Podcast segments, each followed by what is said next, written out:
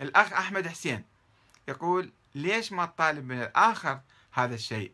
مثلا إطلاق اسم مصطفى العذاري على شارع في الفلوجة. لو صعب عليك والمناسبة الصفوية بنت دولة قوية بذاك الوقت حمت مقدسات الشيعة ولو باقية على تشيع شريعتي كان آه كان يغسل حظنا من صدق يا أخي أحمد حسين أرجو أن تعيد قراءة التاريخ الصفوي وترى كيف كان يحكم هؤلاء المتوحشون كانوا يقتلون أبنائهم يفقعون عيونهم يذبحونهم أبنائهم وأخوانهم قبل الناس الآخرين. أما عن قتل الناس فحدث ولا حرج وقتل السنة وإجبارهم على التشيع أيضا حدث ولا حرج.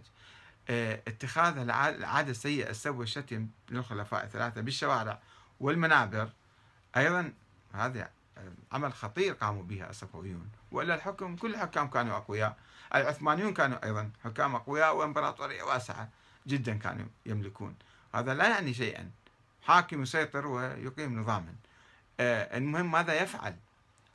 آه، فهم ألبوا السنة على الشيعة وجعلوا السنة آه، السنة يكفرون الشيعة ويصدرون فتاوى من كل مكان بإباحة دماء الشيعة وتكفيرهم. لهذا مشكلة مسألة السب والشتم. وعندما جاء الإمبراطور الملك نادر الشاه وحاول قلب الصفحة هذه ووقف العادات السيئة الصفوية وعقد مؤتمر للشيعة والسنة بقيت هذه المشكلة هي العقدة الأساسية الوحيدة. عندما اجتمع العلماء السنة والشيعة في النجف آه، في مؤتمر النجف فسأل العالم الشيعي ملا باشي كان اسمه آه، سأل من علماء السنة ما هي مشكلتكم؟ لماذا تكفروننا؟ فقال بعضهم لأنكم تسبون الصحابة. قال طيب بطلنا بعد ما نسب الصحابة. قال لا ما يفيد. ذاك الأفغاني واحد كان. قال لا ما يفيد. أنتم كنتوا تسبون وما لكم توبة بعد. وبالصعوبة حتى أقنعهم أنه لا يا إخوان هؤلاء أقلعوا. إجا عالم آخر من بغداد سني. فأقنع ذاك الأفغاني قال له الآن ذولا هم تائبين هل سمعتم هم يسبون؟ ما يسبون. وقال إحنا بعد ما نسب. فانتهى الموضوع. فحاول أن يحل هذه العقدة بين السنة والشيعة. ونحن يجب أن نواصل هذا الطريق ونحل هذه العقد.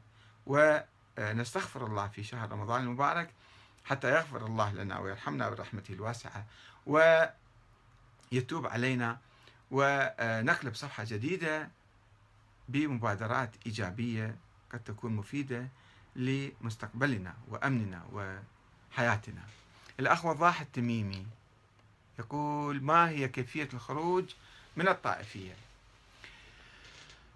الخروج الأساسي من الطائفية هو الالتزام بالعدل الالتزام بالدستور بالقانون بالمساواة بين الناس بعدم تمييز أحد على أحد ولا قومية على قومية ولا قبيلة على قبيلة ولا طائفة على طائفة. فرص متساوية للجميع. هذا ما يقول النظام الديمقراطي. هو الذي يوفر العدل ويقضي على الطائفية. الطائفية من مخلفات الماضي. فكر استبدادي عند السنة وعند الشيعة. يجب أن نتخلص من عنده. والحمد لله تخلصنا من كثير من فقراته. وبقيت بعض المخلفات. هاي المخلفات هي تسوي لنا بعض المشاكل شوية. فيجب أن آه، نتحرر من هاي الثقافة ومن مخلفاتها. نكنس. نكنس عقولنا ونغسلها تماما حتى لا يبقى فيها شيء. من لوثة الماضي من لوثة الطائفية.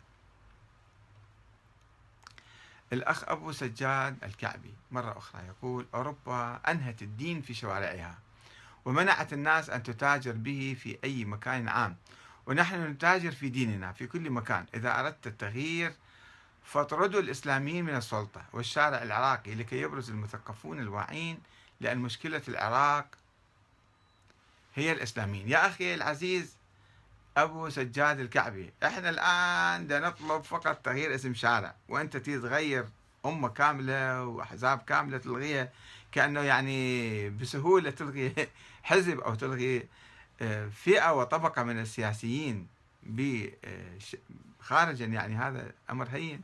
إحنا ما نطلب هذا ولا ندعو لذلك. ندعو إلى آه، ترشيد. إحنا كمجتمع ما علينا بالسياسيين والأحزاب. كمجتمع إحنا بحاجة إلى تطوير ثقافتنا وعقولنا وأنفسنا وننفتح على أخواننا.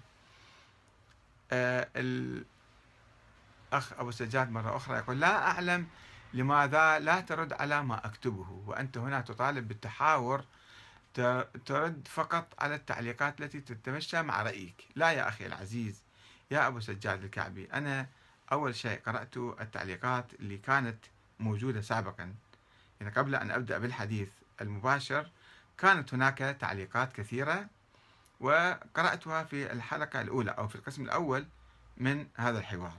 وثم بدأت بالحديث عن التعليقات التالية. وأنت تعليقاتك شفت قرأتها كم مرة؟ وأنت استعجلت علي لو كنت منتظر شوية حتى يأتي دورك ويعني أرد عليك. آه، وقد رددت عليك. إن شاء الله يكون ردي شافي ولا تزعل من عندنا طول بالك شوية علينا. وإن شاء الله نحن في خدمتك. وأنت أي رأي عندك حتى لو كان سلبي أو كان مضاد هم إحنا نرحب فيه. وما يمكن توصل إلى نتيجة إيجابية ومفيدة إلا بالحوار بين مختلف الأطراف. ليس الحوار مع نفسي ومع الذين يأيدوني لا أنا شفته كما شفته يعني. أعرض كل الآراء حتى لو سبوني وشتموني أعرض آرائهم وأقرأها عليكم. فيبقى أنه شوية نطول بالنا شوية نطول بالنا. لا نغضب بسرعة ولا